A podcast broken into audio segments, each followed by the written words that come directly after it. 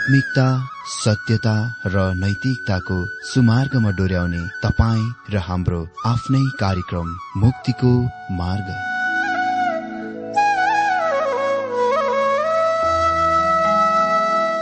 आदरणीय श्रोता यस मुक्तिको मार्ग कार्यक्रममा हार्दिक स्वागत छ। आशा छ यस आत्मिक कार्यक्रमद्वारा जीवनमा आत्मिक आशिष अलौकिक शान्ति र आनन्द प्राप्त गर्नुहुनेछ। र जीवनमा धन्य अनुभव गर्नुहुनेछ। आउनुहोस् श्रोता। मन र आत्माको तयारीको लागि यो मिठो अनि मधुर भजन गीत सुनौ।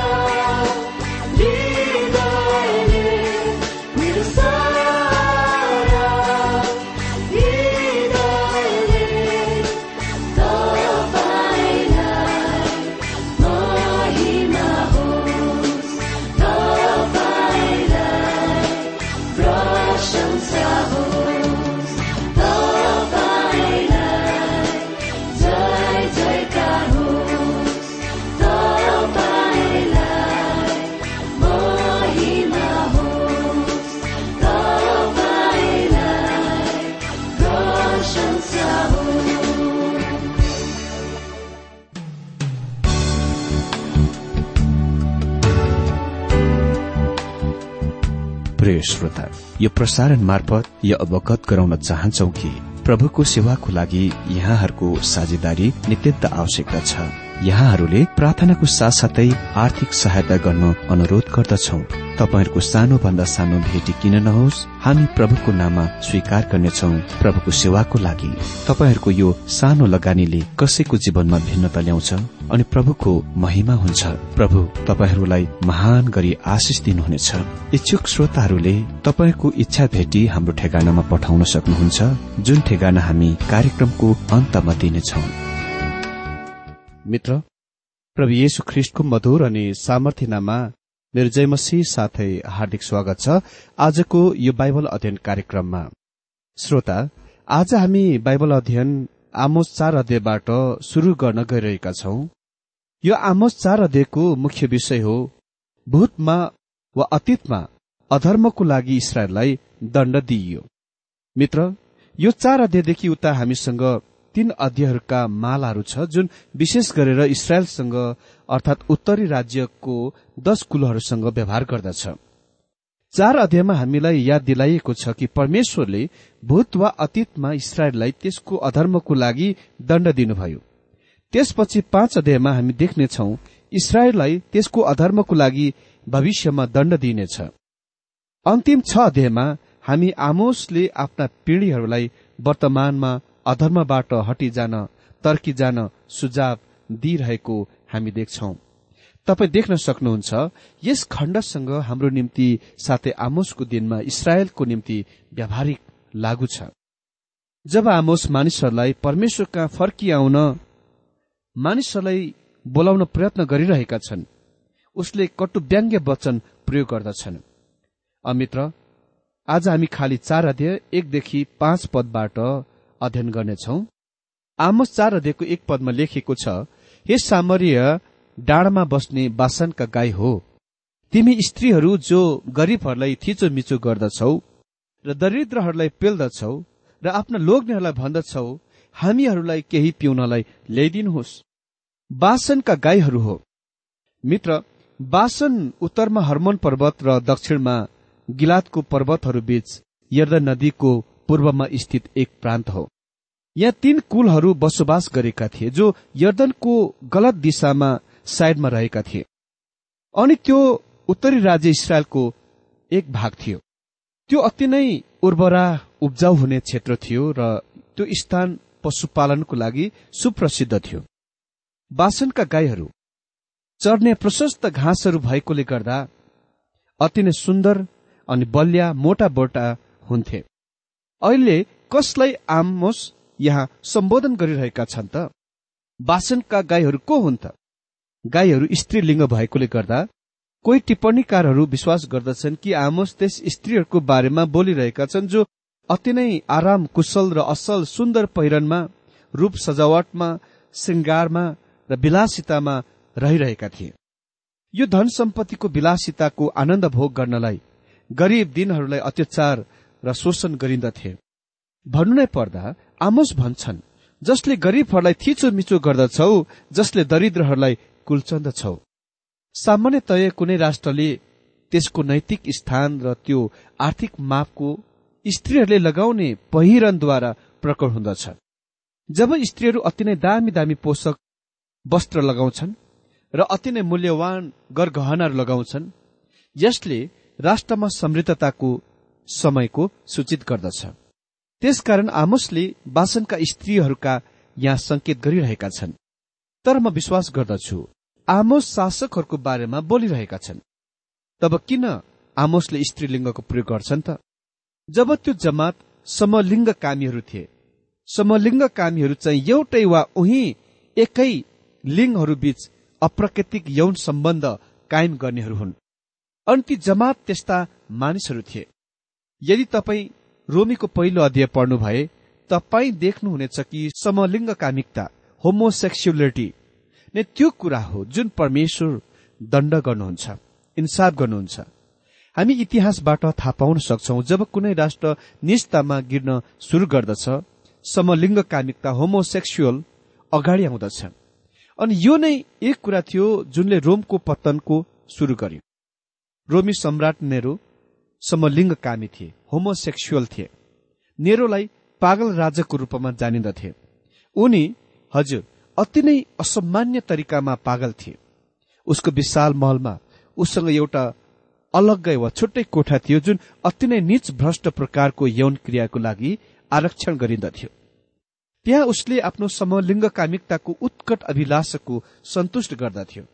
अनि यो अभ्यास आज धेरै पश्चिमेली मुलुकहरूमा कुनै नौलो कुरो होइन।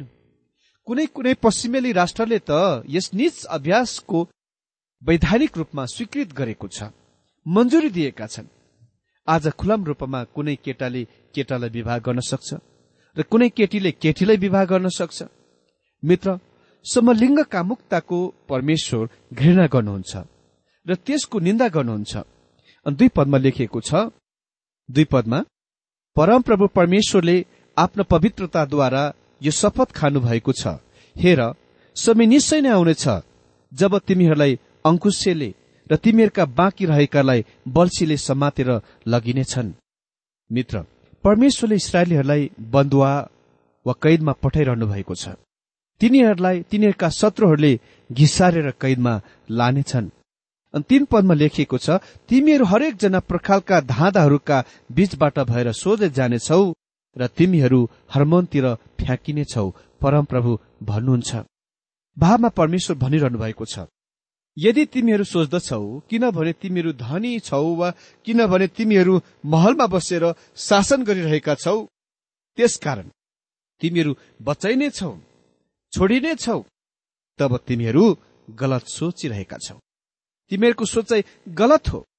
अनि हामी ऐतिहासिक रेकर्डमा पढ्छौ कि जब असुरी अन्तिममा आयो र तिनीहरूलाई बन्धुवामा कैदमा लगे अनि राजालाई पनि लग्यो। अन्ति दक्षिणी राज्य यहुदाको निम्ति पनि सत्य थियो जब त्यो बाबेलको कैदमा वा बन्धुवामा लगियो। अहिले हामी आकृष्ट गर्ने अभिव्यक्ततिर आउँछौ। चार पाँच पदमा भनिएको छ बेथेलमा गएर पाप गर गिलगालमा गएर अझ धेरै पाप गर। बिहानै पछि तिमीहरूका भेटी ल्याऊ र प्रत्येक तेस्रो वर्षमा आफ्नो आफ्नो दशांश ल्याऊ। खमिर हालेको रोटी धन्यवाद बलि चढाऊ स्वेच्छा बलिको लागि धाक लगाउँदै हिँड। तिनको कारणले घमण्ड गर किनकि तिमी इसरायली हौ। तिमीहरूलाई त्यसै गर्न मनपर्छ परमप्रभु परमेश्वर भन्नुहुन्छ। मलाई निश्चय छ कि तपाईँ थाहा गर्नुहुन्छ आमोस कट्टु व्यङ्ग्य वचनको प्रयोग गरिरहेका छन् जब उसले तिनीहरूलाई बेतेलमा आउनलाई भन्छन्। बेतेल त्यो स्थान थियो जहाँ सुनको बाछाहरूको पूजा हुँदथ्यो। बेतेलमा आएर अपराध गर गिलगालमा आएर अपराधको संख्या बढाऊ गिलगाल त्यो पहिलो स्थान थियो जहाँ इसरायलीहरू यहोसुको अगुवाईमा यर्दन नदीको पार गरिसकेपछि आए। अनि त्यो तिनीहरूको निम्ति पवित्र स्थान बन्यो। पछिबाट त्यो प्रतिमा पूजाको केन्द्र बन्यो। अनि यहाँ फेरि प्रतिमा पूजासँग सम्बन्धित छ। जब प्रतिमा पूजासँग जोडिएको छ वा प्रतिमा पूजासँग जोडिएको छ। त्यसकारण आमोस तिनीहरूलाई गिलगालमा पापहरूको संख्या बढाउनलाई निमन्त्रण गर्दछन्। आजको वर्तमान दिनको प्रसंगमा भन्दाखेरि चर्चमा पाप गर्न आऊ। अनि यो स्पष्ट छ कि कोही कोही निश्चय नै पाप गर्न चर्चमा आउँछन्। आमोसले कट्टु तितो व्यङ्ग्य र भर्सना र ताना मार्ने हप्काईको प्रयोग गरिरहेका छन्। उसले यस प्रकारका व्यङ्ग्यात्मक र उपहास गर्ने कथन मानिसहरूलाई ती कुराहरूको होसियार गर्न सचेत गर्न बनाउँछन्। बताउँछन् जुन कुरा वास्तवमा तिनीहरू गरिरहेका छन्। मित्र के तपाईँलाई थाहा छ कि कहिलेकाहीँ चर्चमा जान वास्तवमा खतरनाक हुन सक्छ? तपाईँलाई थाहा छ शैतान पनि चर्च जान्छ। म सोच्दछु कि शैतान एका बिहान आइतबार वा शनिबार आराधना सेवाको दिनमा उठ्छ। अनि जहाँ त्यहाँ परमेश्वरको वचनको सिकाइन्दछ र परमेश्वर परमेश्वरको वचन प्रचार गरिन्दछ त्यसले त्यहाँ सक्दो तिनीहरूका कामको बर्बाद गर्न नष्ट गर्न कोसिस गर्दछ। त्यही नै कारण हामीले बाइबल प्रचार गर्ने र बाइबल सिकाउने पास्टरहरूको लागि प्रार्थना गर्नु पर्दछ। शैतान परमेश्वरको वचनको इन्कार गर्ने झुटा शिक्षा वा झुटा धर्म र स्वतन्त्रवादी मण्डलीहरूमा व्यस्त हुन कुनै आवश्यक छैन। ती स्थानहरू उसको पहिले नै अधीन र नियन्त्रणमा छन्। त्यसकारण त्यसले ती स्थानमा आफ्नो ध्यानको केन्द्रित गर्दछ। जहाँ त्यहाँ आत्मिक जीवन छ र सत्य परमेश्वरको वचन बाहिर दिँदछ प्रचारिन्छ। जब ख्रिस्ट मर्न लागिरहनु भएको थियो र उहाँका शत्रुहरू उहाँको मृत्यु दण्डको विवरणहरूका षड्यन्त्रको महत्व गरिरहेका थिए उहाँले आफ्नो बाह्र चिलाहरूसँग माथिल्लो कोठामा समय बिताउनुभयो तपाईँ सोच्नुहोला कि त्यस क्षणमा त्यो संसारको सबभन्दा पवित्र स्थान थियो। तपाईँ यो सोच्नु हुँदो हो कि सैतान येसुको मृत्यु वा हत्याको बारेमा षड्यन्त्र गरिरहने झुन्डहरूसँग व्यस्त थिए। तर तपाईँलाई थाहा छ त्यस साथ सैतान कहाँ थियो? त्यो माथिल्लो कोठामा थियो जहाँ निस्तार चाडको लागि येसु र आफ्ना बाह्र चेलाहरू भेला भएका थिए। त्यसलाई त्यहाँ निमन्त्रण दिएको थिएन तर त्यो त्यहाँ थियो। सैतान यहुदा स्कोरियोतीको हृदयमा उहाँलाई धोका दिन विश्वासघात गर्न प्रवेश गर्यो।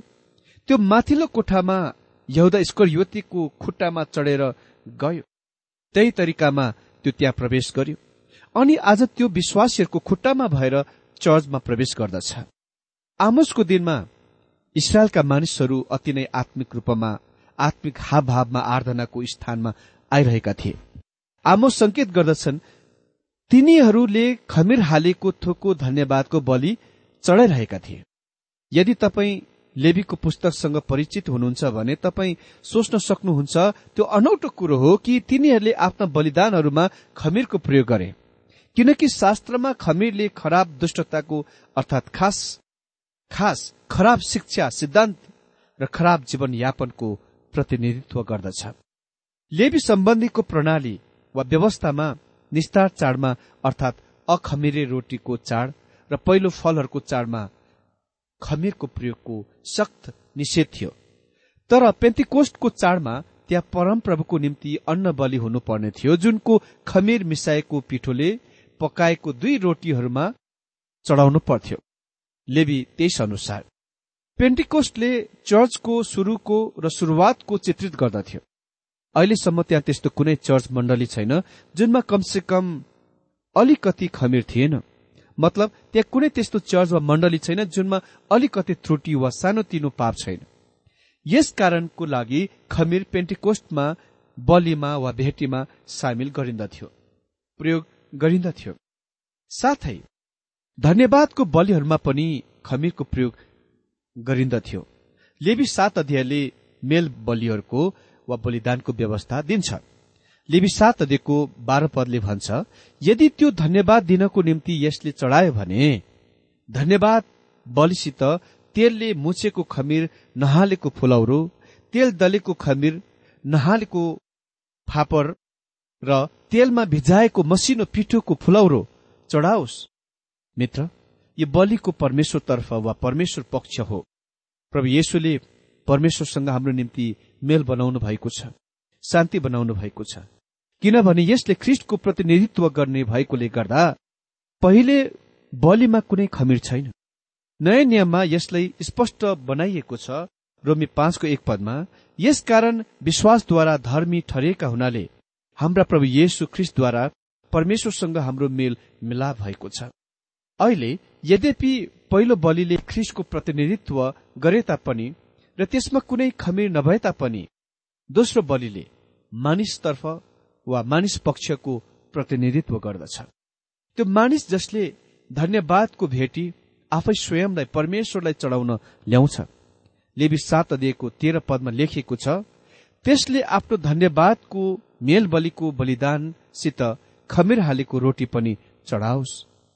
हामी यसलाई आफ्नो जीवनहरूमा लागू बनाउन सक्छौ। तपाईँ र म हाम्रा जीवनहरूलाई प्रभुप्रति समर्पित गर्न सक्छौ। कहिलेकाहीँ यो धर्मविधिमा गरिन्दछ जुनलाई कन्सक्रेसन सर्भिस अर्थात् अर्पण सेवा भनिन्दछ।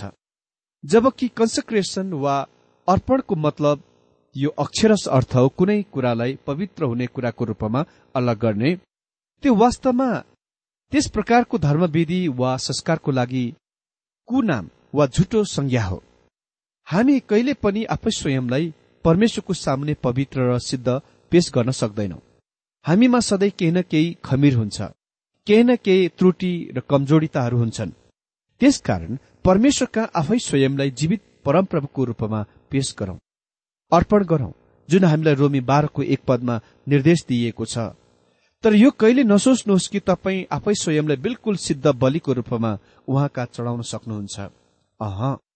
अहिले जब आमोसले व्यङ्ग्यात्मक रूपमा इसरायलका मानिसहरूलाई बेतेल र गिलगातमा अपराधको संख्या बढाउनलाई जान भन्दछन् निमन्त्रण दिन्छन्।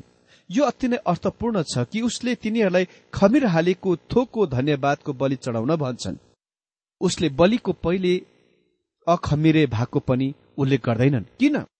किनभने मानिसहरू पूर्ण रूपमा जीवित र सत्य परमेश्वरबाट तर्की गइसकेका थिए। त्यसकारण तिनीहरूले गर्न सक्ने एउटै कुरा छ त्यो हो खराबको परमेश्वरलाई चढाउन। निश्चय परमेश्वरले त्यसको कति पनि ग्रहण गर्नुहुने छैन। मेरो मित्र म आशा गर्दछु कि तपाईँले आमसको व्यङ्ग्यात्मक कटु वचनको बुझ्नुभयो जब उसले मानिसहरूलाई गिलगालमा अपराधहरूका संख्या बढाउन बोलाउँछन्। हजुर उसले वास्तवमा तिनीहरूलाई पाप गर्न भनिरहेका छैनन् तर व्यङ्ग्यात्मक वचनमा उसले भनिरहेका छन् त्यही नै तिमीहरू गर्दछौ जब तिमीहरू बेतेलमा र गिलगालमा आउँछौ। तिमीहरू पाप गर्न परमेश्वरलाई सेवा गर्न आराधना गर्नलाई होइन। अर्को आराधना सेवाको दिनमा आराधना सेवामा जान भन्दा पहिले घुँडा टेकेर प्रार्थना गर्नुहोस् र परमेश्वरलाई आफ्नो हृदयको अवस्थाको बारेमा बताउनुहोस्। के तपाईँ चर्चमा पवित्र शुद्ध हृदयसँग गइरहनु भएको छ? के तपाईँ त्यस्तो ओठहरू लिएर गइरहनु भएको छ जुनले कुनै त्यस्तो कुरा बोले छैन? जुनले ख्रिस्ट र उहाँका कामहरूको आघात गर्दछ? मित्र आज धेरै विश्वासीहरू चर्चमा परमेश्वरको खास आराधना सेवाको निम्ति जाँदैनन्। तिनीहरू एक औपचारिक रूपमा जान्छन् र धेरैजना त चर्चमा अरूको आलोचना गर्न अरूको खण्डन गर्न जान्छन्। मित्र हाम्रो हृदयको अवस्था कस्तो छ? हामी के को लागि चर्चमा मण्डलीमा जान्छौं?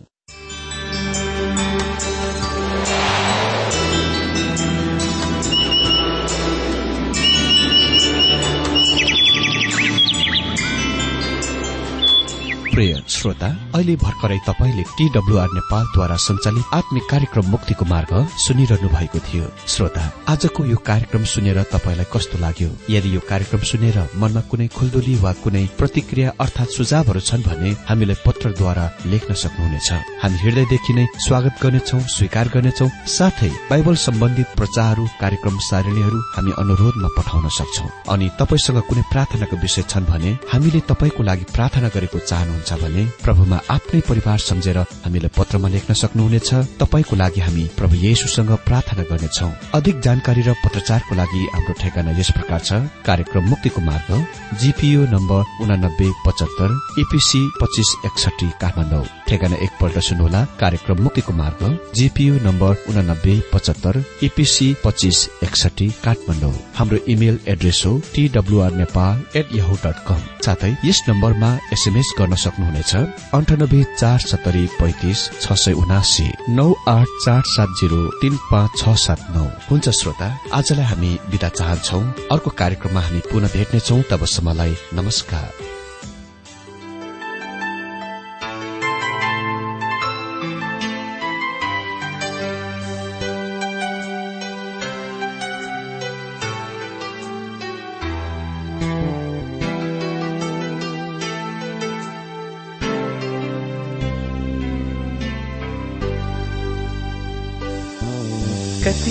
सपना छन् मेरो आँखामा।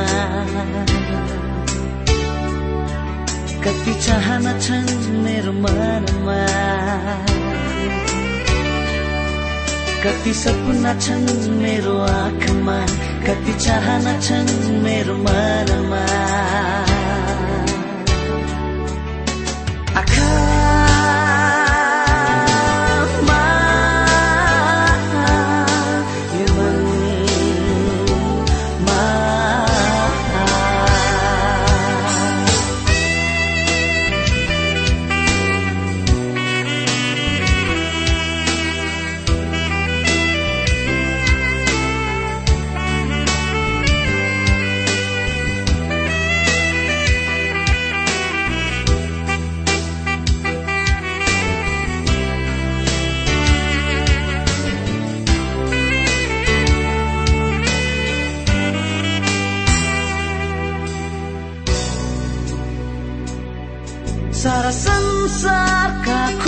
खुसीहरू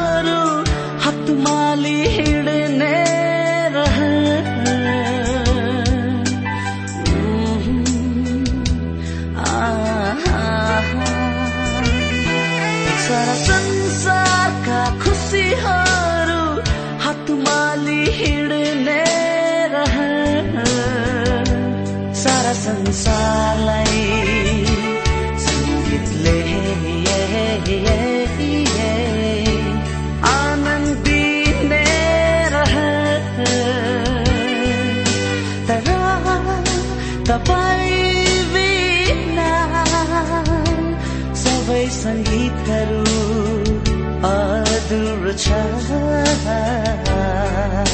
तर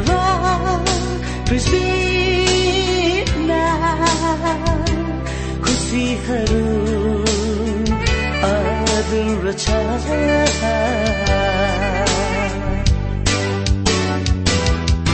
कति सपना छन् मेरा आँखामा।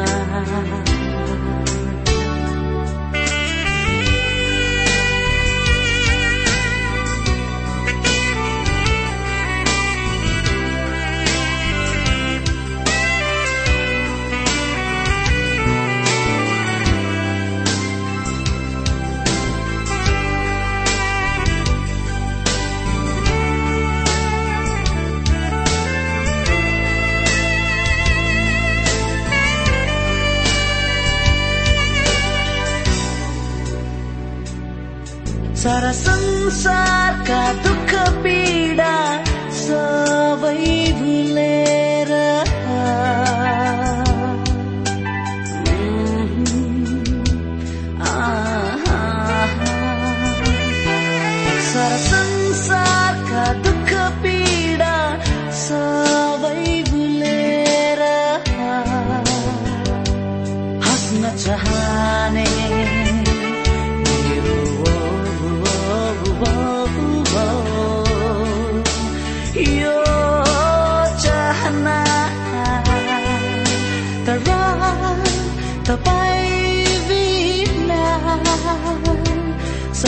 चाहनाहरू अधुरो छ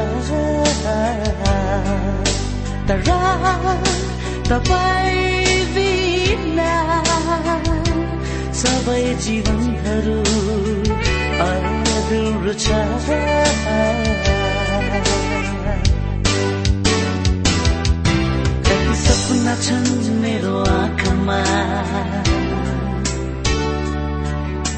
चाहना छन् मेरो मनमा।